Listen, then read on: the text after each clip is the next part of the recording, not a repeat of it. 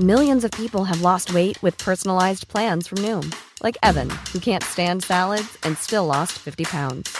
Salads, generally, for most people, are the easy button, right? For me, that wasn't an option. I never really was a salad guy. That's just not who I am. But Noom worked for me. Get your personalized plan today at Noom.com. Real Noom user compensated to provide their story. In four weeks, the typical Noom user can expect to lose one to two pounds per week. Individual results may vary. Hiring for your small business? If you're not looking for professionals on LinkedIn, you're looking in the wrong place. That's like looking for your car keys in a fish tank. LinkedIn helps you hire professionals you can't find anywhere else, even those who aren't actively searching for a new job but might be open to the perfect role. In a given month, over 70% of LinkedIn users don't even visit other leading job sites. So start looking in the right place. With LinkedIn, you can hire professionals like a professional. Post your free job on linkedin.com slash achieve today. Hey, Dave. Yeah, Randy. Since we founded Bombus, we've always said our socks, underwear, and T-shirts are super soft. Any new ideas? Maybe sublimely soft. Or disgustingly cozy? Wait, what? I got it. Bombus. Absurdly comfortable essentials for yourself And for those facing homelessness. because one purchased equals one donated. Wow, did we just write an ad? Yes. Bombas. Big comfort for everyone. Go to bombas.com slash ACAST and use code ACAST for 20% off your first purchase.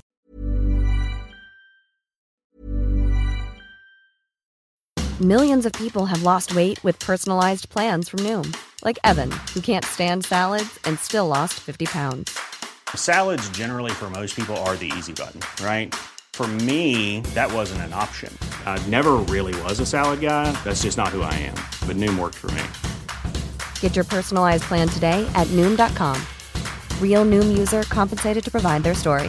In four weeks, the typical Noom user can expect to lose one to two pounds per week. Individual results may vary. Hiring for your small business? If you're not looking for professionals on LinkedIn, you're looking in the wrong place. That's like looking for your car keys in a fish tank. LinkedIn helps you hire professionals you can't find anywhere else, even those who aren't actively searching for a new job but might be open to the perfect role. In a given month, over 70% of LinkedIn users don't even visit other leading job sites. So start looking in the right place. With LinkedIn, you can hire professionals like a professional. Post your free job on linkedin.com slash achieve today. Hei, og velkommen til Bak scenen. Jeg heter Trond Harald Hansen, og i denne podkastserien skal jeg finne ut hva som skjer på baksiden av norsk showbiz-bransje. Enten det er produsenter, skuespillere eller artister. Og i dagens episode har jeg invitert ei som vi kjenner fra ABC-teatret. Hun har deltatt på Skal vi danse, hun vant Melodi Grand Prix i 2007, og i 1989 så er hun med og gjør Den spanske flue udødelig. Velkommen bak scenen, her er Guri Skanke. Bak scenen med Trond Harald Hansen. Guri Skanke, Ja, velkommen hit. tusen takk. Er det naturlig med Einar Skanke i familien at også du skulle holde på med revy? Eh, altså egentlig så, så var det vel ikke det, eh, for jeg skulle jo egentlig bli noe helt annet. Jeg hadde staket ut å bli interiørarkitekt, så jeg eh, gikk på alle mulige sånn tegnekurs og malekurs og gikk på møbelsnekkerlinja. Og kom inn på Kunst- og håndverksskolen, eh, og gikk der i halvannet år. Men så hadde jeg liksom jeg ble med i Russerevyen eh, i 1980, men det var egentlig ikke sånn Jeg var aldri med på revyer på skolen, og det lå Jeg var liksom ikke noe sånn som stilte meg opp og, og opptrådde, og jeg var ikke noen sånn type, egentlig, men jeg vet ikke, det ble bare en sånn greie, tror jeg. Det ble med i den Russerevyen. Eh, og da, da var jeg jo så sjenert at jeg, jeg turte jo ikke å synge. Jeg i- ble liksom hyret som danser, da. Uh, men så skulle jeg liksom ha én sololinje, uh, og, og den turte jeg ikke å, å, å synge, for jeg syntes det var så flaut å høre min egen stemme. da. Og det var Nissa Nyberget, og så var det Andreas Diesen og Dag Vågsås som satte opp denne russerevyen. da. Og de var jo Altså, de var jo ja, de hadde holdt på i mange år, og dette var jo Andreas Diesen. Altså, det var, eh, var flott trio som satte opp revy der. Eh, og til slutt så måtte Nissa Nyberget si til meg at du, Guri, eh, hvis ikke du synger nå, så får du ikke lov til å være med. For det begynte å nærme seg premiere. så, og da sang jeg eh, Dette var jo 80, da, så det var en sånn hitparade, og da var det Tina Charles, I, I Love To Love. Så det var sånn I love to love But my baby just loves to dance. Det, og det var det jeg liksom skulle synge. Loves to dance. og da, kom, eh, da var jo mamma der, og da fikk hun vel egentlig litt sånn Jøss, hun hadde aldri hørt meg synge før. Altså, det, det lå liksom ikke helt i kortene Nei. at uh, det var den veien jeg skulle gå. Men uh, mamma var også skuespiller. Uh, hun hadde jobbet på Nationaltheatret da jeg var liten, og, og, og jobbet veldig mye på Klubbsjø sammen med Sossen Krogh. Så jeg syns jo det var veldig alternativt da, da for da var jeg eh, sånn eh, ungdom, og du vet der nede på Klubbsjø så var de på dagen og drakk øl, og det var veldig sånn, det var veldig sånn annerledes. Jeg var litt sånn vestkantjente, og med litt sånn snekrystall og høyhalser og, og, og, og Marius-genser og sånn. Så jeg syns det var veldig veldig rart. Husker Sossen Krogh hadde sort neglelakk, det, det hadde man jo aldri sett i verden før. Ja, det jeg tror var ja, nå er det liksom helt hverdags, men hun var tidlig ute, kan du si, da. På 70-tallet. Så øhm, det var vel Så jeg vet egentlig ikke hva, hva som skjedde, men jeg, jeg begynte liksom å ta sangtimer. Jeg hadde vel også en slags sånn lyst til å synge. Det er sånn den rare ting man vil og vil, og så tømmer man ikke helt. Og så serverte jeg på Josefine på den tiden. Eh, og der var det sånn tirsdagsjam og søndagsjam med Nissa Nyberget. Eh, og da tror jeg det var første gang jeg da sang offentlig, det var etter Russerevyen, da. Eh, der, da var jeg liksom servitør, og så var det sånn at jeg skulle opp og synge, og da sang jeg 'Fremling' av Carola. og det, hvilket årstall var det, det vet kanskje du? Det var 1982, tror jeg. Ja, ikke Eller 81, kanskje. 80, ja, ikke sant? Ja. Rundt der. Og da begynte jeg plutselig også skulle synge i band og sånn òg, så da sang jeg et sånt Steely Dan-band. Eh, og så eh, fikk jeg meg jobb eh, i et danseband. Eh, Catalina fra Gjøvik. Eh, vi var på Nord-Norgesturné. og oppi dette her så var jeg også så fan av Radkatone, for jeg hadde veldig mange venner i dette miljøet eh, rundt Josefine, disse, for der gikk jo alle musikanter, ikke sant. Og da husker jeg eh, eh, Nils Petter Molvær kom som sånn helt ung fra Molde og begynte å jamme der. og så jeg vanket mye i det musikkmiljøet også, da, samtidig som jeg gikk på Kunst- og håndverksskolen og, og disse tingene. Så, og så begynte jeg også å synge i et band med Freddy Dahl, som het Freddy and the Footsteps. Vi var tre jenter da som sang og, og soul eh, og, og og sånn, Men det var allikevel interiørarkitekt jeg skulle bli, men så begynte jeg liksom å stikke av litt fra studiene der og ta litt sangtimer nedi veien der, og, og så begynte jeg å gå på auditioner, og du vet, det er et eller annet med bare man klarer liksom ikke helt å la være, da. Det var jo en veldig stor overgang da, fra å ikke ville synge i det hele tatt, og bare slå seg løs og bare skal prøve alt. Ja, og det, og, men det er jo liksom en eller annen sånn, jeg vet ikke, det, det, det presset seg vel liksom litt frem, selv om det tok jo søren meg så mange år, men jeg husker jo fra jeg var liten at jeg syntes jo det var liksom flaut å rope hurra i 17. mai-tog og sånn, for jeg syntes det hørtes så teit ut, på en måte. Så jeg klarte liksom ikke å, å gi meg hen. Um, men så, så fikk jeg vel, så hadde jeg også noen, noen venner i et eller annet miljø som plutselig sa sånn, uh, for da jobbet jeg som sånn, sånn, sånn assistent på et arkitektkontor da, for å få litt, eh, få litt erfaring. Og da var det en venn av meg som jobbet på Oslo Nye som rekvisitør, som sa du, vi trenger en ung jente eh, der vi skal ha tre søstre, kunne det vært noe for deg? Og da var det et stykke som het Å for en natt av Fedot, som skulle settes opp på Oslo Nye, dette var da i 1982. Eh, og da var det Pia Borgli og Gunhild Kvernes eh, og jeg. Vi spilte tre sånne søstre i sånne matroskjoler.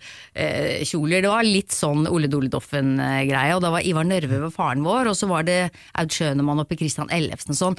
Og da ble jeg liksom litt sånn hm, kanskje jeg skal prøve litt teater? Ja. Og da, det året der, da, så søkte jeg både på Kunst- og håndverksskolen og Teaterhøgskolen. Og da gikk jeg og leste hos Inger Teien. Eh, og øvde inn en monolog da, og jeg husker jeg hadde pyntet meg, jeg hadde med meg hansker, og jeg skulle gjøre Jeg husker, jeg husker ikke den monologen engang, men jeg husker bare at jeg skalv altså så grenseløst. Det var sånn det, Du vet jo ikke at det kommer når det plutselig kommer, de, Nei, de, de nervene der. Det kommer jo de bare har jeg, det. ja, de har heldigvis aldri hatt siden, for det er jo ganske grusomt. Eh, men jeg kom jo ikke inn der, da. Eh, Men jeg kom inn på Kunst- og håndverksskolen. Så, så det har vært et litt sånn parallelløp, på en måte, da. Så mm, ja, så, men så begynte jeg på Kunsthåndverksskolen, og. Jeg, jeg tror jo kanskje ikke at jeg syns det var så gøy å gå der som egentlig bare det å, å ha kommet inn. For det er jo veldig vanskelig å komme inn der. Så, så det blir jo en slags sånn der man tegner jo opptaksprøver og, og alt mulig sånn. Så, så, men det er klart, det er jo, man vet jo ikke helt hva man går til, og da, da følte jeg vel kanskje ikke at det var ja, Så etter halvannet år så fikk jeg jobb på ABC-teatret som danser. Hos onkel Einar. ja. Eh, og det var jo heller ikke noe sånn eh, at Ja, selvfølgelig fikk jeg det, fordi at jeg var nesen. Han var, tror han var ekstra streng med meg. Eh, og da, da husker jeg bodde i hybel nede på ABC-teatergården der. Det var sånn, Da var det dusj og do i gangen, og der bodde det jo egentlig bare eh, alkoholikere og sosiale eh, Altså folk som hva heter det, levde på sosialtrygd, eh, eller altså som var litt sånn Det var, ikke noe, det var, det var litt skummelt å bo der. Ja. Det var kjempeskummelt. Jeg turte ikke liksom å gå på do om natten, og jeg, det var ikke lås på de dørene på de, de dusjene. ikke sant? Det var liksom, det var ja, ja. ja det var jo liksom Så det var også en periode. Men, eh, men jeg begynte nå da som, eh, som danser på revy, og så øh, gikk jeg samtidig på Kunsthåndverkskolen. Men etter hvert så skjønte jeg vel at det ikke ja, holdt, så da tok jeg permisjon. Og det syns jo kanskje ikke akkurat eh, foreldrene mine syntes at det var så lurt, da. Sånn, sånn sett. For det var jo man så jo for seg et trygt yrke, og, og teaterbransjen, eh, showbiz, er jo ikke liksom det man ser på som kanskje det mest, mest trygge. Nei, det er vel mye frilansoppdrag og mye usikkerhet. eh, Ja. At man ikke veit hva som skjer fra år til år. da. Men det er jo noe med når man liksom Det må jo være en av forutsetningene når man begynner å velge dette her, at man tenker at det skal selvfølgelig jeg klare. For hvis man bare går og tenker sånn at det kommer aldri til å gå, så, så man må ha den der jævla driven og den derre eh, tenke at det kommer ikke til å gjelde meg, ja, dette skal gå fint! Nei, for ellers, ellers så kommer du ikke noe videre, da. Nei, nei, så man må liksom bare gå all in, da. Uh, og midt oppi alt dette her, da, så, så hadde jeg jo jeg, Jeg har liksom aldri hatt noe sånn veldig sånn idol som an, an, Altså sånn, det var liksom ikke Ja, eh, jeg husker ikke, folk hadde plakater på veggene og ikke sant, alt mulig sånn. Men jeg hadde liksom ett, ett idol, da, og det var Radka Tonef. Eh, Jazzsangerinnen som dessverre døde bare noen og 30 år gammel. Og hun døde vel i, i var det 82, da. Eh, 83. Men jeg var jo så fan av henne, vet du. Jeg var på alle konsertene hennes. Eh, og så ringte jeg henne. Eh, og spurte om jeg kunne ta sangtimer, for da sto man jo i katalogen. ikke sant? Uh, og hun var litt sånn hm, ja, nei, jeg pleier jo ikke å ha, tar jo ikke sangelever, for hun var egentlig pianolærer. Um, så, så jeg vet ikke egentlig hvorfor, men jeg fikk lov til å komme. Hun syns vel kanskje jeg var såpass freidig eller såpass fan eller såpass, jeg vet ikke, modig at jeg At hun faktisk vil det. ja, at hun i hvert fall lot meg prøve. Så jeg eh, Da bodde hun i, oppe på en loftsleilighet i Oscars gate. Eh, Så jeg troppet opp der, da, vet du. Eh, Og sa at jeg ville bli jazzsangerinne. Så jeg hadde liksom Hadde jo lyst til det òg, ikke sant. Hadde lyst og lyst. Jeg vil, jeg vil, men jeg tør ikke. Men eh, så mm, sa han jo, jo, det det kan du sikkert bli, men vi må lære å synge litt først. Så, så da gikk jeg der helt frem til hun døde. Uh, og hun, vi holdt på med alle mulige sånne stemmeøvelser, og hun ga meg jazzlåter og, uh, og sånn som jeg skulle øve på da, og spilte inn. Jeg har en kassett hjemme hvor hun har satt sammen liksom eh, masse damestemmer som hun liksom syns er bra. Oh, ja. uh, eksempler på, på jazzsangerinner, da. Som jeg skulle lytte og lære og, og sånn. Så, og, og sånn den lange parallellen, på en måte. Hvis man bare kan trekke en lang linje frem til nå, da, så er det jo dette Jeg, jeg ga ut en plate i fjor, eh, og der var liksom eh, det, det var jo liksom ikke sånn eh, Det var jo ikke noe revy, showbiz, musical-plate. Det var jo liksom en litt mer over i den starten min som hadde med det derre litt sånn hangen jeg alltid har hatt til det litt melankolske, eller til det litt jazzete til, som også er en veldig stor del av meg, selv om er, man er mest liksom sett som showbiz og eh, eh, humor og sånne i sånne settinger. Så, så, så da fikk jeg jo en låt av Radka Tonef når jeg var der som hun hadde skrevet, som hun håndskrev til meg på en note. Og den fikk jeg oversatt til norsk nå, og fikk lov av Arild Andersen til å oversette. Eh, for det var ikke hennes tekst, hun hadde bare brukt et dikt, amerikansk dikt. Da. Så, så det ble liksom starten på den plata mi, da. Så hadde jeg med eh, liksom, jazzkvartettaktig. Og så gjorde vi, gjorde vi litt sånne norske låter med, med litt jazzvri, på en måte, eller arrangement, da. Så det var liksom, den, hele den linjen har jo vært med meg hele veien. eh, ja, så var det liksom litt tilbake til start, akkurat der, innom der igjen, da. Ja. Det er stilig, da, og så endelig få lov til å, til å gi det ut. Ja, ja, ja, ja. Det, ja, det, men det, dette har jeg liksom surra med siden 80-tallet, og har lyst til å gi ut plate. Ikke sant? Det er jo litt sånn. Eh, men hva skal man gjøre? Hvem er man? Når man er egentlig en eh, artist som bare blir, får beskjed om at du skal synge sånn, du skal gå sånn, du skal være sånn, du skal gjøre sånn. Hvem er man til slutt da som egen person, da? Hvem er du, hvilket uttrykk har du sånn innerst inne? Så det må man liksom lete litt etter, og man kunne selvfølgelig gitt ut en musical-plate, så tenkte jeg nei, det har Ellen Page gjort jævlig bra, så det er liksom kanskje ikke noe vits i. Og ja, så, så det har jeg brukt veldig lang tid på å, å finne ut av. Så tenkte jeg nei, fanken heller, nå er jeg over 50, nå må jeg bare gjøre det.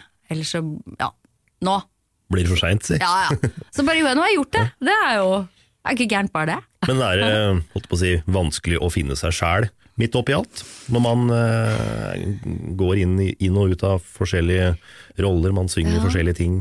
Det er det, ikke sant, det som man ofte kanskje kan høre, eller som er, er jo ofte at skuespillere på en måte syns kanskje det vanskeligste eh, som er, er å, å være seg selv. På en måte være privat da, på scenen. på en måte, At det kanskje kan være vanskelig. For det er eh, ofte lett å, å Eller lett, men det blir jo en teknikk eller et yrke da, å bekle seg med en eller annen som er annerledes enn seg selv. Selv om man alltid bruker sine egne ting selvfølgelig for å fylle de rollene.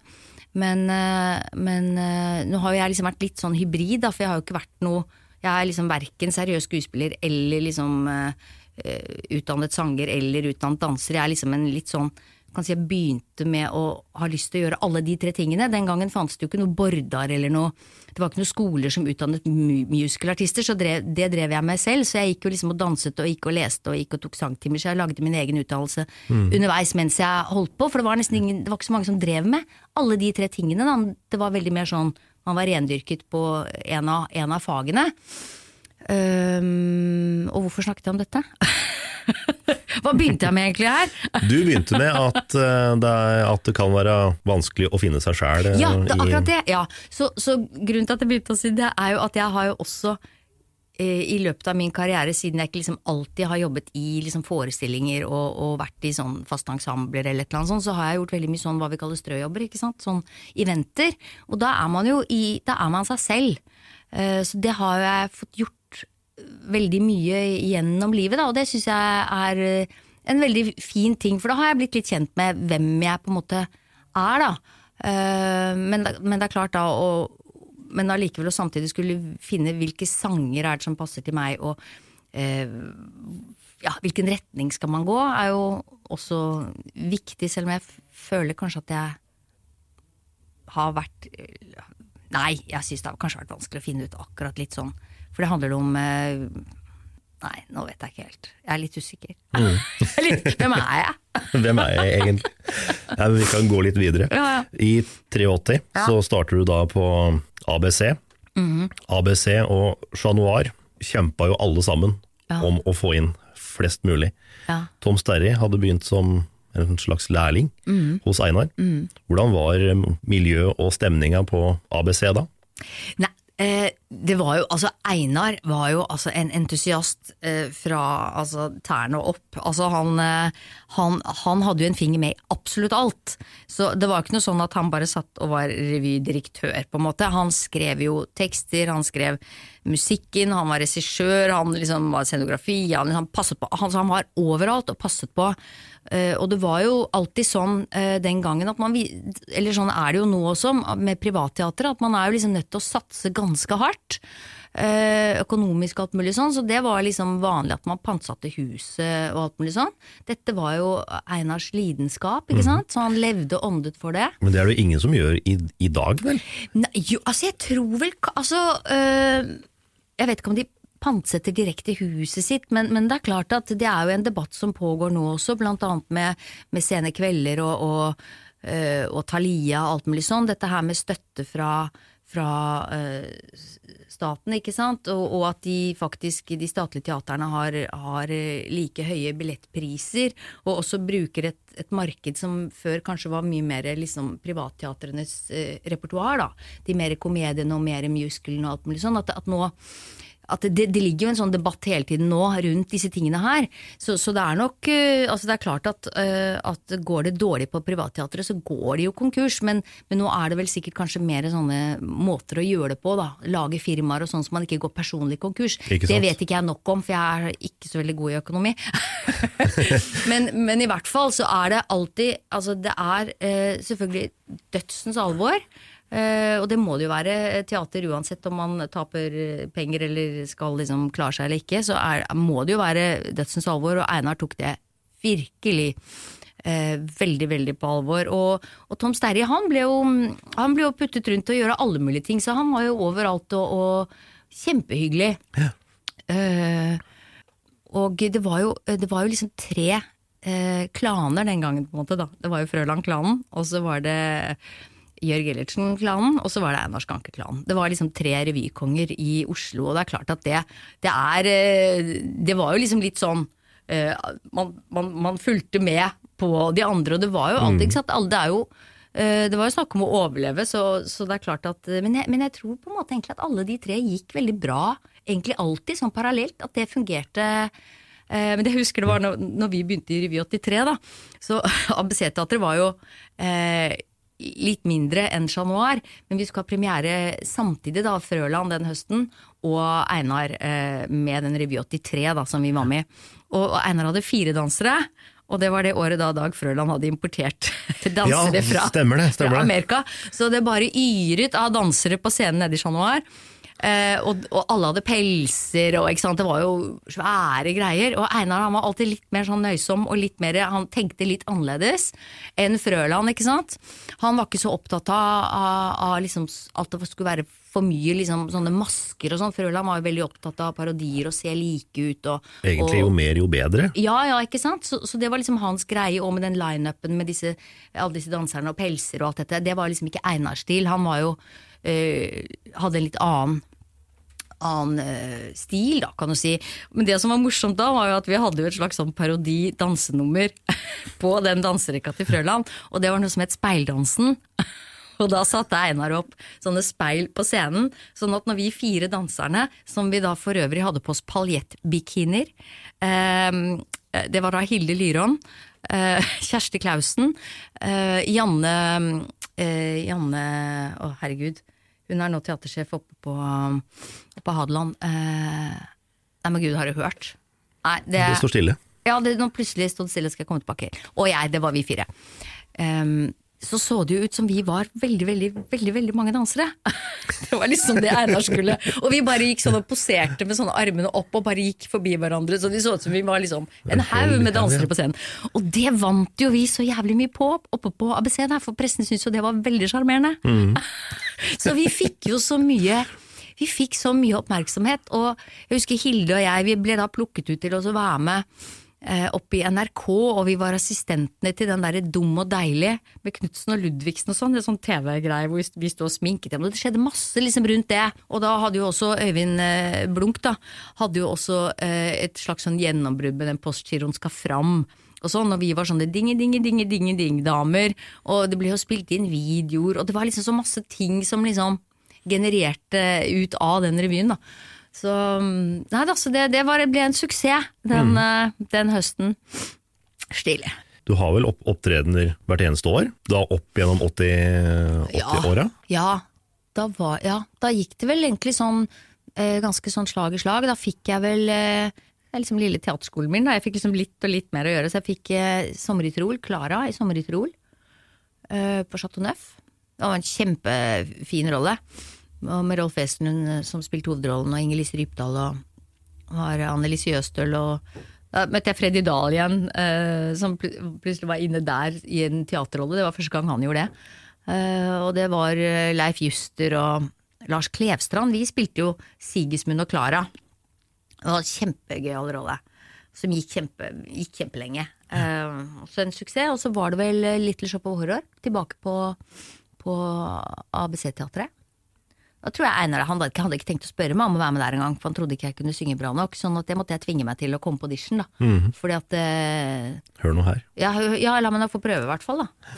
Ja, Så det var jo også en med Harald Eide Steen, Inger-Lise Rypdal og Øyvind og eh, Dag Vågsås var det vel, ja. Mm. Og Nine Askeland og Anne Marie Gjørts, jazzsangerinne. Mm. Så ja, og så var det vel noe revy, og så var det ja. Det skjedde mye. Det skjedde, ja, det skjedde mye. Ja. Hvordan var det å samarbeide med f.eks. storheter som Leif, da?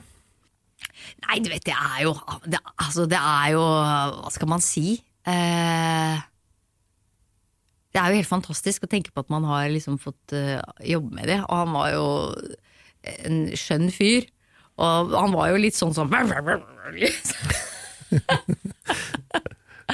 Nei, det var eh, nei, veldig, veldig, veldig morsomt å oppleve det, altså. Du må si litt om uh, Den spanske flue. Ja. Det er jo eh, fortsatt i dag en serie, eller eh, en, ikke en serie, men et teaterstykke Ja. som mange har et forhold til, og som Ja. man ønsker å se. da. Og som har blitt en sånn jule, julenyttårstradisjon. Ja. ja, det er vel egentlig liksom Du kan si at ting jeg har gjort, er jo mest Spanske flue eller Miserabel, som folk eh, snakker om. De var jo etter hverandre også. Jeg hadde jo Miserabel først, og så var Spanske flue etterpå. Eh, to veldig forskjellige ting, da. Men eh, eh, Spanske flue er eh, Virker som Altså jeg syns den har holdt seg så bra, og folk, det, det folk sier er liksom Gud a meg, den er jo like morsom enda. Og det begynner jo å bli en del år siden, og det er sjeldent at uh, TV-overførte teater blir så vellykket. Det var Roald Øyen som gjorde for øvrig, han var veldig god på det. Eh, så det er jo helt fantastisk å få vært med på det, da. Altså det er jo altså Hæ? Hvordan kunne man tenke seg det? Det er blitt en, eh, en tradisjon for veldig mange mennesker. Den sendte, nei, den sendte de ikke, men jeg har den på video, så jeg så på den lille julaften. Ja, ja, ja. Så det er en sånn fin eh, Ja, de sendte den to ganger i år. De, Ja, de sendte den Ja. etter det, tror jeg. Eller kanskje, kanskje før, ja. Ja. Men uh, hvordan var produksjonen der? Er noe helt annet enn en mye annet, da, hvor man skal flyge inn og ut av Inn ut av dører. dører. Det skal Ja. times, og det skal smelle til riktig tid. Ja. Ja da, da, da jeg, lurer på om jeg hadde vel vært med på en sånn Nei, nå husker jeg nesten ikke helt, men eh, i Pose og smekk med Toralf Maurstad og Kjersti Døviken og sånn. Nå husker jeg plutselig om det var før eller etter. jeg. Nei, du Him! Ja. Uh, nei, hvordan var det? Nei, altså Runar Borge hadde jo regi på den. Uh, og det er jo alltid helt fantastisk jobb med, med Runar. Og det, det jeg liksom husker mest, var liksom at jeg var så utrolig fascinert over uh, for eksempel hvordan Kjersti Holmen da jobbet med rollen sin. Uh, fordi at jeg er jo som sagt en veldig sånn sjenert person. Uh, eller egentlig sånn som Jeg skjønner ikke egentlig hvordan jeg tør, men liksom? Jeg, jeg tør ikke ordentlig før jeg må en slags. Nå er det premiere i morgen, da må du gjøre det ordentlig, på en måte. Litt sånn. Men Kjersti fra første prøvedag eh, liksom bare går og leter i sitt eget landskap, på en måte. Holder på, holder på. Bryr seg ikke på en måte hva om det sitter stå for Altså hun, hun klarer å være på en måte eh, plassert i seg selv og, og, og drive med sine ting. Mens jeg bare merket med meg selv at jeg var bare opptatt av liksom, å, sa jeg noe dumt nå, eller var den replikken teit, hørtes den teit ut, og liksom var mer opptatt av alt der ute eh, enn å liksom ha ro med mine ting og jobbe med mitt. Så jeg bare tenker åh, gud a meg, at man ikke liksom kunne skjønne skjønne. Men det, men det er liksom hvordan personen man er. Og selvfølgelig. Hun hadde gått teaterskolen, og, og, og man får sikkert en helt annen Jeg hadde jo aldri gjort det, og samtidig som jeg var en veldig sånn usikker person, da. Eh, Men eh, det, det husker jeg at det var det jeg liksom var mest, mest fascinert over. Eh, å bare se, se den arbeids, hvordan hun jobbet. Og så var det jo en veldig spesiell tid, for vi, vi skulle jo ha egentlig Det var jo først Rolf Wesenlund som skulle spille den rollen eh, som eh, sennepsfabrikanten Klinke. Eh, og, men han fikk jo sceneskrekk, eller hva det kaltes, eh, og, og ble jo borte. Eh, og så kom Jon Eikemo inn, men så ble han også dårlig. Og så kom Henke Kolstad, bare et par uker før premieren nesten, og hoppet inn, men han hadde jo heldigvis spilt dette stykket før, så det var jo rimelig kaotisk eh, på en måte ja. oppkjøring til premieren. Ja. Men det gikk jo så det grein, eh, og Henke var jo helt strålende i den rollen. Så, og det er klart, at den rollen som jeg hadde, var jo liksom en sånn Du kan si Litt sånn typisk sånn type rolle som jeg kanskje hadde gjort, da, både i 'Sommer i Tirol' og 'Anne Get Your Gun' hadde jeg også gjort i mellomtiden. Sånn, eh, litt sånn ingeny, eh, pen pike, litt sånn. Så, så jeg husker at jeg tenkte sånn Søren, hvorfor har ikke jeg noen morsom rolle? Jeg vil liksom være litt morsom, jeg òg. Ja, ikke sant? Så jeg syns liksom rollen var sånn, var sånn litt sånn pen og litt sånn kjedelig, men, men um, Ikke kjedelig, da, men altså i forhold til de andre som var sånn kjempemorsomme, som var sånn Hvor folk skreik ja, ja, ja, ja, ja, ja. Så, men, jeg, jeg, men, men jeg, jeg har sett det nå etterpå, så tenker jeg at det er jo en jobb som skal gjøres, det også. Så Mm. Alle kan jo ikke være så morsomme. Man må, man må, Man må slappe av litt man må slappe litt innimellom. innimellom. Få tid til å le igjen. Det kan være litt annen skjerm i det. Ja. Eh, Det var jo eh, Og spesielt hun, hun frua i huset, da, som, eh, hun som Kjersti ja. gjorde, som da på scenen var sikkert noen og 70 år, mens, Ja. mens hun i virkeligheten var vel knapt nok passert 30 sjøl. Ja, ikke sant? Dette var jo i 89. Ja, plutselig var, det, var jeg dårlig på hoderegning, men da var det vel Ja, jeg var, jeg var 28, kanskje Kjersti var liksom kanskje 30, par og 30, da. Og spille så Spille så gammel Nei, det, var helt, det, var, det er jo helt fantastisk. Altså Ja, nei, altså, jeg om ler like mye når jeg sitter og ser på det nå. Det er bra, da Ja. har, det- da har det Ja. holdt seg. Du var jo også med og spilte på, på Stiklestad Ja. i mange år. Mhm. det, var, eh, det var noe som dukket opp etter Le Miserable i 88, så jeg var vel der i 89, da. Eh, første sommeren der. Eh, og det var jo det var jo noe helt annet, men det, det, var, jo, det var jo Le Miserable også, ikke sant. Og det var litt sånn eh, det, Jeg jobbet jo også så hardt for å være med på Le Miserable. Jeg sang og sang og sang, og sang, og sang, og så først så fikk jeg den ikke, og så måtte jeg bare tvinge meg inn på ny audition igjen og bare si ja, men uh, Hør nå her, da. Hør da! Hør da! Jeg har øvd mye mer. Men, men um, Og det, det, var, det var også Det var jo også fordi at eh, det fikk jeg jo vite etterpå, da, at, eh, at det var liksom Egil, som, Egil Monn Iversen som var musikkprodusent, og han var jo veldig tungt inne i Norsk Teatret. Um, uh, at han mente kanskje at jeg ikke hadde hatt et uh, Hva heter det for noe? Uh, at jeg hadde hatt et litt for lett liv, på en måte. Eh, Jeg vokste opp eh, liksom på vestkanten og, og liksom jobbet i showbiz. Eh, At han liksom mente kanskje at jeg ikke kunne fylle den rollen, på en måte. Eh, Det eh, Men det, det skal man jo ikke alltid skue hunden på hårene for, for man vet jo liksom ikke akkurat Han kan jo ikke vite hva jeg har, har i meg, på en måte sånn. Det er veldig lett å dømme, på en måte, da. Så, så, men jeg ga meg jo ikke. Det er jo eh, Kan jo være slitsomt, men det er en styrke òg. ikke gi seg. Så til slutt så fikk jeg den. Eh, og, og da tror jeg Egil var veldig glad for det. Eh, For han ble veldig fornøyd med det. Og det jeg fikk høre etterpå av disse engelskmennene, for det var jo Royal Shakespeare Company som kom til Norge og hadde audition. Vi var jo land nummer to i verden. Eh, Så dette var jo kjempesvært. Og da når vi hadde første prøvedag, så var det sånn Å, så, så snakket med de, og så var det sånn eh, Nei, jeg, jeg fikk jo ikke den, og så måtte jeg What? You got it! Altså, de, de hadde sagt at jeg fikk den da jeg var på første audition, men så hadde de eh, tenkt på norske mm, Vet ikke. Så, men eh, da er jeg veldig glad for at det gikk bra til slutt, at jeg fikk den, og så, så gikk, jo det, gikk jo det heldigvis veldig bra. Så jeg fikk bevist at jeg kunne kunne ha et dypere lag. Man skal ikke skue på Eh, Man skal ikke alltid skue hårene. Men da var jeg litt tilbake på, på litt i den der sfæren som var liksom det med Radka Tonef, som appellerte veldig til meg. Så Le Miserable appellerte også veldig eh, til meg, hele, hele den stemningen, og jeg har en hang til litt sånne triste ballader og, og, og litt sånn altså jeg, det, er- det er litt sånn Jeg syns det er deilig, og det var også eh, Stiklestad, da. Ikke sant? Så det var vel et eller annet han regissøren på Stiklestad så i Miserabel som han tenkte det kan vi bruke eh, til Gudrun på Stiklestad. For det er jo en ganske dramatisk rolle.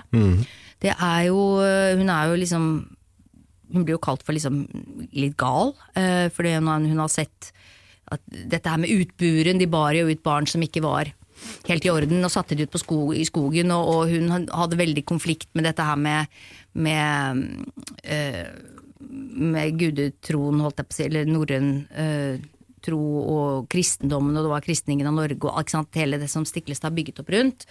Eh, og hun var jo veldig dramatisk, og det var skriking, og det var løping, og, og pluss at man skulle synge liksom litt sånn operaaktig, da. Og det hadde jeg aldri gjort før. Nei. Men jeg tenkte det Der har jeg en eller annen sånn Da er jeg plutselig ikke redd, vet du. Det er jo så jævlig det. rart. Vi prøver det. det.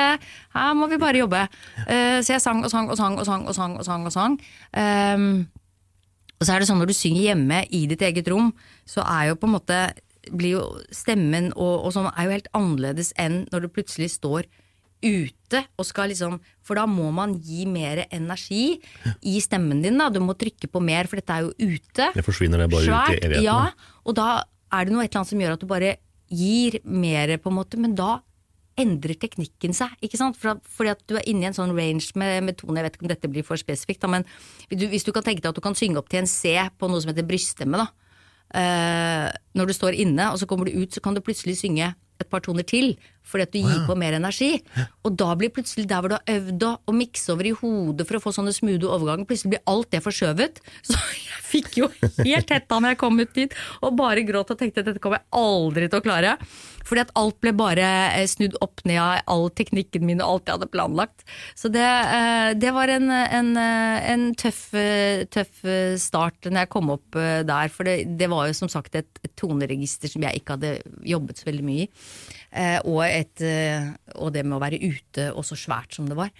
Og så skriker man seg oppå. ikke sant? Man bruker, Jo lenger du liksom, jo høyere du liksom snakker og mer du bruker stemmen, jo vanskeligere er det å komme dypt. og, og ja, ikke sant? Ikke Dette sant. er sånne tekniske ting. Men, eh, men det gikk bra. Så jeg var der i seks år. Det var en fantastisk opplevelse. I regn og storm.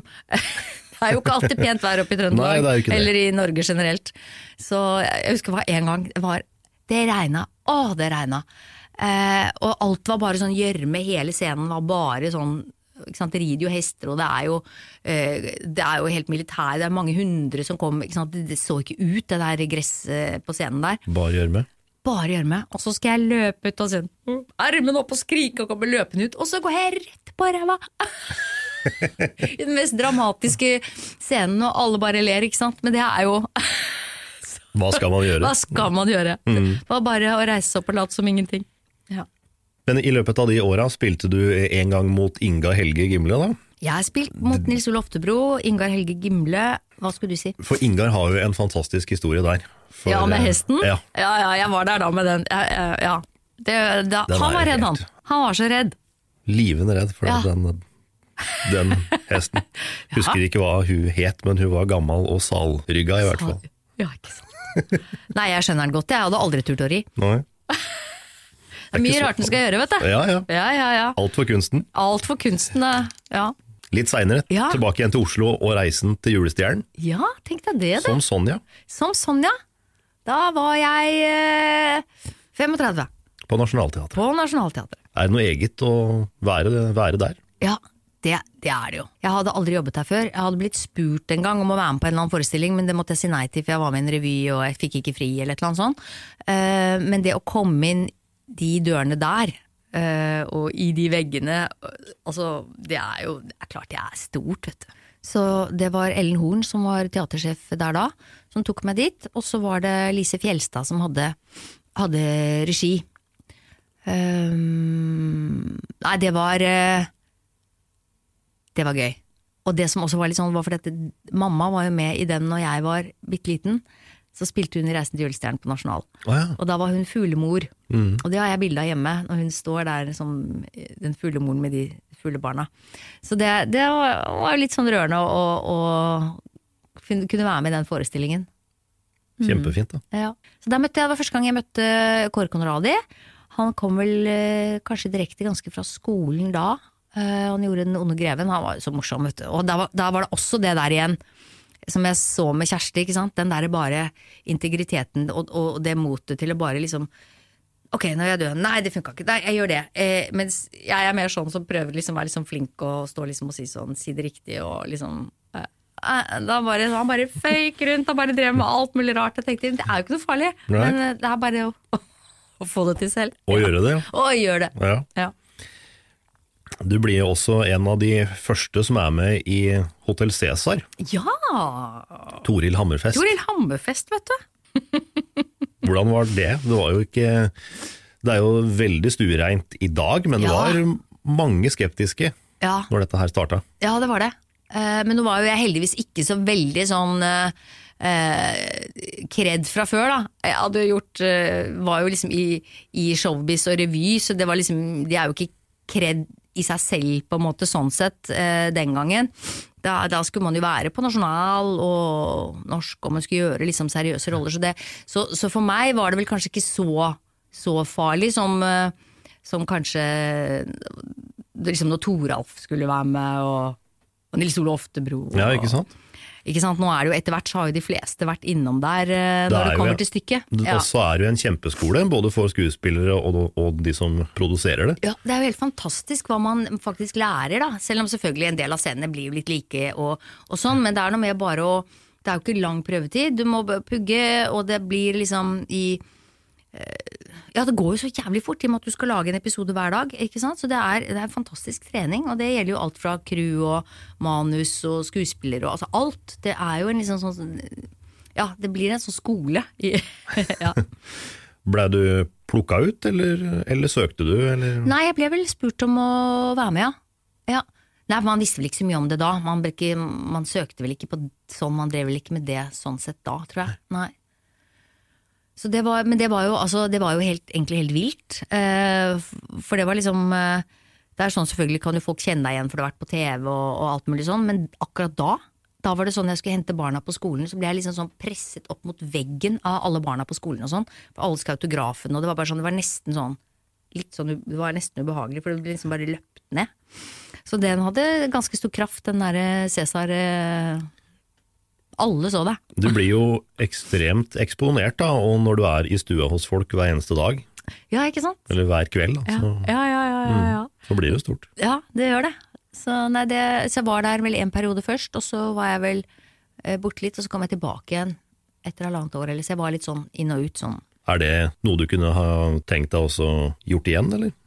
Altså jeg synes, eh, Jeg er jo egentlig veldig glad i å, å jobbe, jeg, også, og, og ut, utfordringer og alt mulig sånn, så det Ja, det kunne jeg vel ha gjort. Jeg syns ikke det var noe dumt å være med på, på en måte. Nei. Men nå er det vel liksom ikke så mye igjen av det. Nei, nå er vel alt produsert ferdig, i hvert fall for i år. Mhm. Skal vi danse? Ja, skal vi danse? Finale. Ja, det var overraskende. det var jo så rart, for det det var jo da en, um, Geir Bie, som var TV-produsent.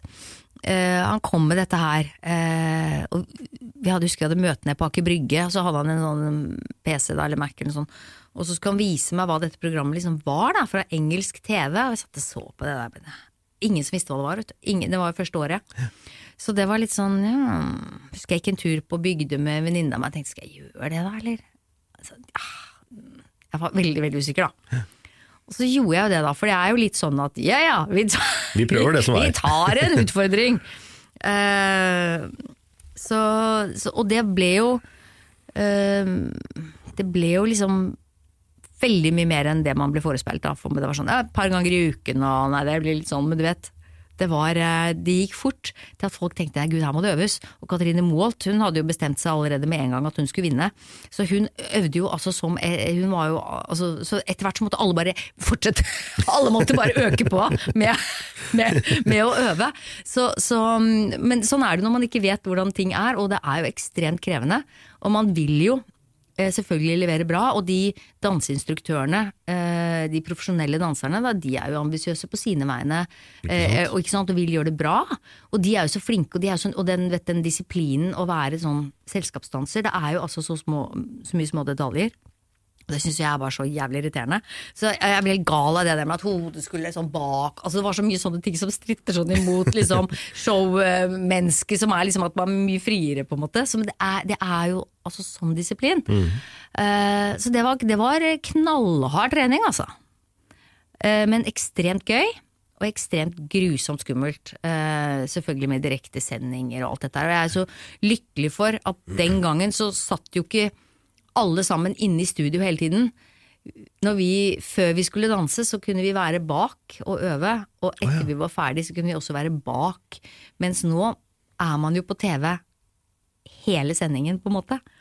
Eh, og jeg er sånn når jeg er nervøs for noe, så klarer ikke jeg å sitte stille. Da er det, altså jeg blir så urolig at jeg Og da skulle jeg sitte liksom og smile på TV hele tiden. Oh, ja. Ja, det kan jeg skjønne kan være litt hardt. Ja, ja, ja. Der ble det jo en god nummer to. ja, syns du ikke det? Jo, det syns jeg. Ja, jeg var eh, Da tror jeg var så, var så sliten akkurat på den, helt til slutt der, at eh, da eh, Ja, jeg ga, jeg ga jo alt jeg hadde. Men det er jo Det tror jeg liksom alle opplever, at, eh, at det er liksom litt sånn eh, stigende sånn, og så blir man veldig sliten etter hvert. Så, så da handler det om hvem som klarer å hente mest opp uh, fra kjelleren akkurat den siste, siste innspurten der. Så, og det er jo så mye rundt òg, ikke sant. Det er jo liksom ikke bare at du skal trene og danse, men når du begynner å nærme deg finale og sånn, så er det så mye presse, det er så mye andre ting som drar i deg også, ikke sant. Som, det er så mye annet som tar uh, energi. Og fra det videre til uh, Grand Prix. Ja, tenk deg det! Vinner av Melodi Grand Prix Ja. i 2007. Ja, helt vilt. Det var helt vilt. Det er jo liksom skikkelig en sånn barndomsdrøm, da.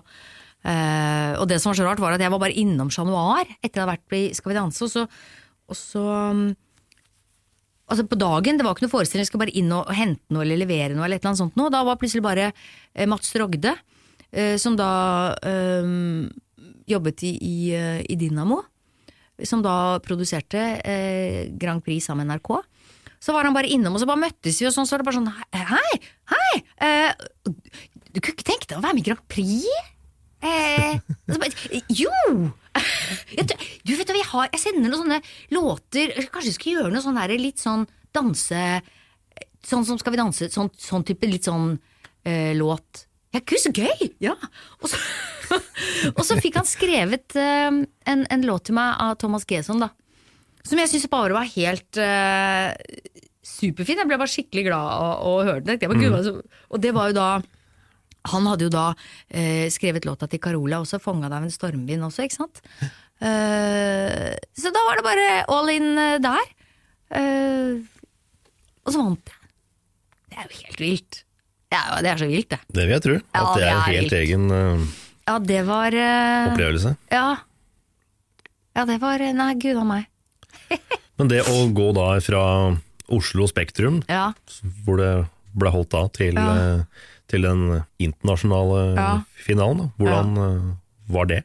Nei, det, det er jo det, altså, det er jo sånn sirkus. Det er som jeg, liksom, jeg føler liksom at det er sånn Verden er liksom en slags sånn verden, men når det nærmer seg Grand Prix, så dukker det opp en sånn underverden av Grand Prix-entusiaster, altså Grand Prix-mennesker. Og der er liksom Da er man liksom litt sånn litt fritt vilt, på en måte. fordi da er det jo hele, hele Europa. Og det, altså yndlingsgeskjeften i Grand Prix er jo å mene veldig mye om veldig mange. Ja. Og- så da blir man jo liksom utsatt for veldig mye sånn meninger rundt omkring, selv om man blir jo skjermet for veldig, veldig mye. Men jeg i, i utgangspunktet er ikke noen person som er veldig eh, glad i å bli ment. Altså jeg er veldig sånn Jeg, jeg blir eh, Altså jeg er litt sikkert såpass usikker, så jeg er ikke sånn Nei, jeg driter i hva alle syns. Jeg gjør ikke det, jeg bryr meg om hva folk syns. så jeg, så jeg syns det var ganske sånn Kjente sånn slitsomt eh, på en måte litt ut å være i alt det trøkket der, da. Selv om det også er veldig gøy. Så, så koster det ganske mye. Eh, og så er det selvfølgelig et voldsomt press, da. Eh, akkurat de tre minuttene. Og og det bare liksom å, å skulle holde stemmen bra, at ikke du blir sliten i stemmen, at du ikke blir forkjølet. At du, ikke sant? Det er så mange hensyn å, å ta, da. Eh, så man fikk ikke akkurat sett Helsinki. Det er vel mer snakk om bare å liksom ligge helt i ro og gjøre de prøvene, for det er prøver hver dag. Mye øvelser, det, er, det skjer noe hele tiden. Så det, det er eh, det er heftig kjør, altså. Det vil jeg tro. Jeg er ikke en type som bare sier sånn 'gud, det er så gøy', og bare alt er sånn. Jeg er mer sånn 'hjelp, hvordan skal det gå'? Men det, når du da står oppå scenen der, Mm. ser du publikum, eller stenger du de ute og, fokus, og liksom bare går inn i deg sjøl og fokuserer på det som skal eh, framføres, eller? eh? Det er nok en, sikkert en sånn en, en, en blanding, for dette, det, altså, publikum får man ikke sett så veldig mye, fordi at du har sånn in-air, så, sånn at du, du får liksom ikke noe, du hører ikke noe fra salen av reaksjoner eller et eller annet sånt, og så er det jo veldig på kameraer, ikke sant, at du skal synge til kamera, så man får nesten ikke sånn veldig sånn opplevelse av av selve salen. Det, ofte så er det sånn at folk sier sånn 'Å, hørte du, det var kjempebra respons etterpå'. Bare sånn 'hæ, nei, det fikk jeg ikke med'. Det er jo sånn man ofte ikke får med seg, for man er så eh, Gud veit hva man er, man er vel så fokusert, og det er så mye adrenalin, og det er eh, så jeg bare husker at jeg var liksom, sto bak scenen der før jeg skulle inn, og da blir man liksom fulgt i sånne etapper inn da, fra garderoben, og så står man der og venter, og så står man liksom der og venter, og så får man på lyden der, og så, det er masse sånne og, så, og så står du der og venter, for nå er det neste, ikke sant, det er sånn. Og da tenkte jeg, så sto jeg et sånt øyeblikk for meg, så tenkte jeg, skal jeg, skal jeg nå stå her og være så kjemperedd, og skal jeg gå ut der og være kjemperedd, og ødelegge liksom de tre minuttene som jeg har drømt om et helt liv? Nei, det skal jeg ikke. Jeg skal nå. Nå skal jeg gå inn, og så skal jeg ikke la liksom, disse nervene på en måte ødelegge for meg. Nå skal jeg liksom inn og, og få til de tre minuttene. Nå skal jeg liksom Så jeg klarte liksom å snu et eller annet der. Så jeg, jeg føler jo at jeg, at jeg klarte å levere det jeg skulle. Jeg følte at det gikk bra. Uh, og så var det selvfølgelig helt uvirkelig alt dette her etterpå. Eh, og når du hører det blir lest opp én og én liksom, man, man, man får jo aldri tenkt så langt før en sånn direktesending på at oi, hva skjer etterpå? Eh, man må bare fokusere på det man skal, og så har man ikke liksom eh, kapasitet til å tenke å, hva gjør vi hvis jeg ikke går videre, eller går jeg videre, eller går jeg ikke videre? Eh, og det er jo så mye betting, og det er så mye opp og ned, og det kan jo gå i så mange retninger, og ja. Så så det var, men, det, men da det liksom man skjønte at det ikke man kom videre, det var litt sånn da, Men jeg vet ikke om jeg liksom egentlig Ja. man er liksom litt sånn out of sp- Liksom Ja, nei, det, er helt, det var helt uvirkelig. Grand Prix-fans er jo også veldig Grand Prix-fans, da. De Ja. er jo veldig dedikerte. Ja.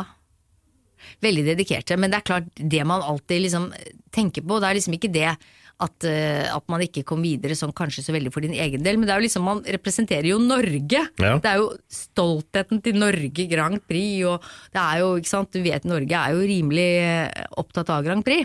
Ja, så, og, og det er klart vi var jo akkurat i en litt sånn brytningsfase, kanskje akkurat i 2007, 2006-2007, fordi det liksom, begynte å være liksom litt nye regler, og det var liksom nye med disse delfinalene, og det var, det var jo noe med at det liksom måtte deles opp, og det var semifinaler, og det var, det var jo liksom litt sånne Og Grand Prix var nok ikke så stuerent heller, på en måte. Det ble aldri spilt på radioen eller noen ting, Grand Prix-låter i 2007. Nei. Så jeg tror det skjedde mye med Maria Haukås Midtås år, øh, øh, neste år. Hold on be strong, ja. Ja, for det, øh, det er klart også når det går veldig mye bedre, så Men da tror jeg liksom plateselskapene liksom gikk litt mer inn og fordi at det var, Jeg tror de skiftet til akkurat 2007 til 2008, for dette 2007 så var det ja, et annet selskap, eller altså det var, jeg, jeg husker ikke helt det, men det, var, det, det skjedde liksom en, en ganske sånn brå utvikling etter hvert i Grand Prix de årene fremover der. Nei, men det, det kjenner jeg på enda, at det synes jeg var, det er jo trist for Norges skyld, at man ikke liksom kom videre. Det er jo kjipt. 2008. Mm. Showgirls. Showgirls. Det var 2007. 2007, det. Ja, Ja. det var rett og slett ehm, Rett fra Rett Helsinki fra til Helsinki. En liten løpetur ned på Bislett stadion eh, for Rådet for psykisk helse. Eh, tryner river av eh, Nei, tryner ikke. River av hamstringen i løpet. Og tryner på Bislett. Direkte på TV. Eh, Bislett Games. Eh, vi hadde et sånt slags kjendisheat. Eh, hvor vi skulle liksom eh, støtte til Rådet for psykisk helse, da. Eh, og jeg husker de ringte meg etter Grand Prix, og da er man jo Man er jo, selv om man sikkert har danset, og selv om man er liksom, så er man jo litt sånn litt gåen etter en sånn uh, vår, Ja. det vil jeg si. Uh, og da ringte de og sa sånn Du, kan ikke du være med på et sånt løp på Bislett? Og det er bare sånn Og du er jo så godt trent, og du har jo danset og sånn, men jeg hadde jo ikke jogget på på kanskje fem-seks år, da. Jeg hadde liksom bare gått tur og trent litt sånn annerledes, ja. Nei da, det er ikke så farlig. Dere bare dan du kan bare danse i mål, dere kan vente på hverandre, og det er bare sånn. Bare gøy. Og jeg klarte jo ikke å si nei, ikke sant.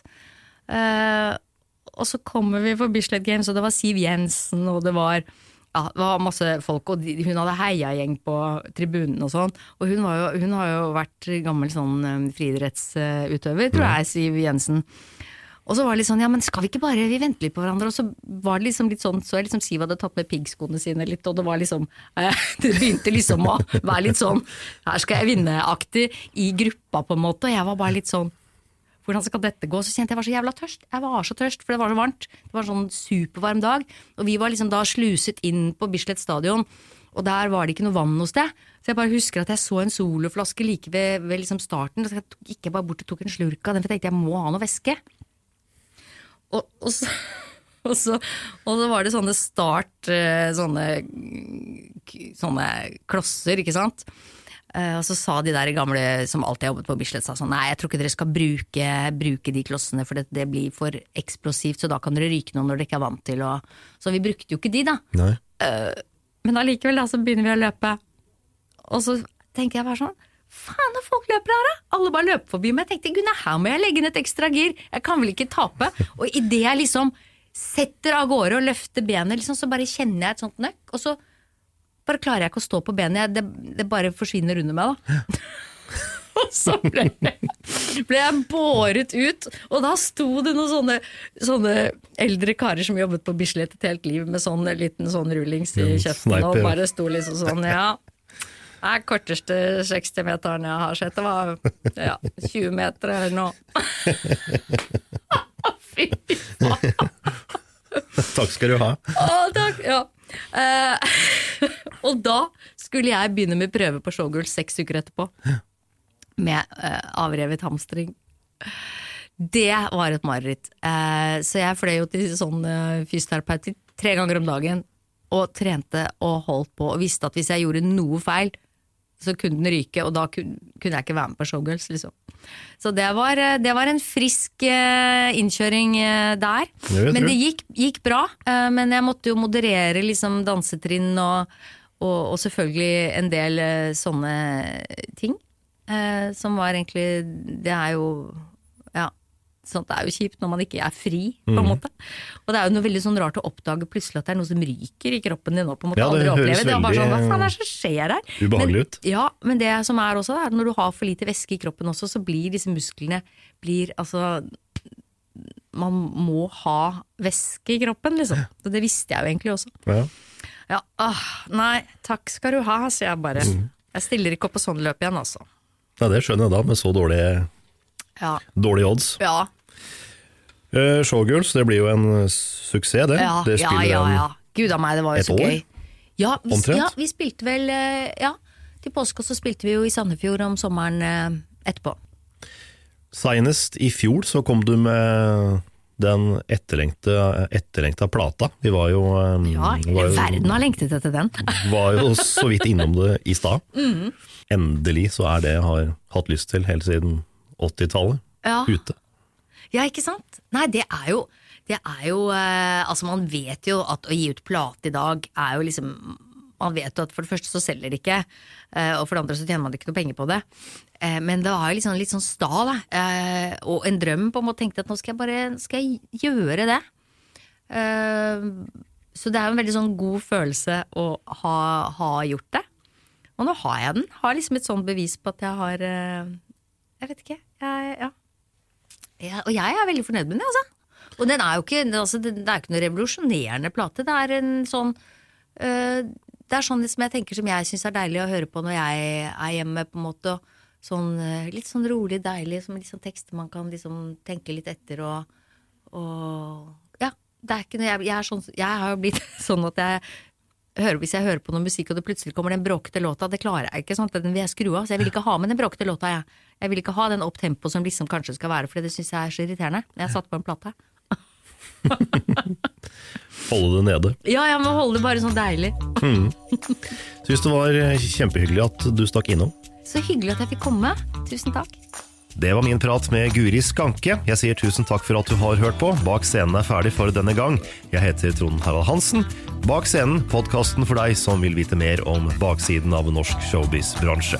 Om en uke, ny episode. Da kommer Anders Hatlo på besøk. Jeg red på en trehest, altså en pinne med hodet på, over Nationaltheatrets scene. Og salen var full av barn, og så red jeg over scenen. Og så setter jeg hesten fra meg, og så arresterer jeg, får jeg mine menn til å arrestere disse to guttene. og så rir vi ut igjen. Og så jeg kommer nesten over på den andre siden, så merker jeg at jeg har glemt den trehesten. og så må jeg da gå tilbake og hente den hesten, og så ri ut.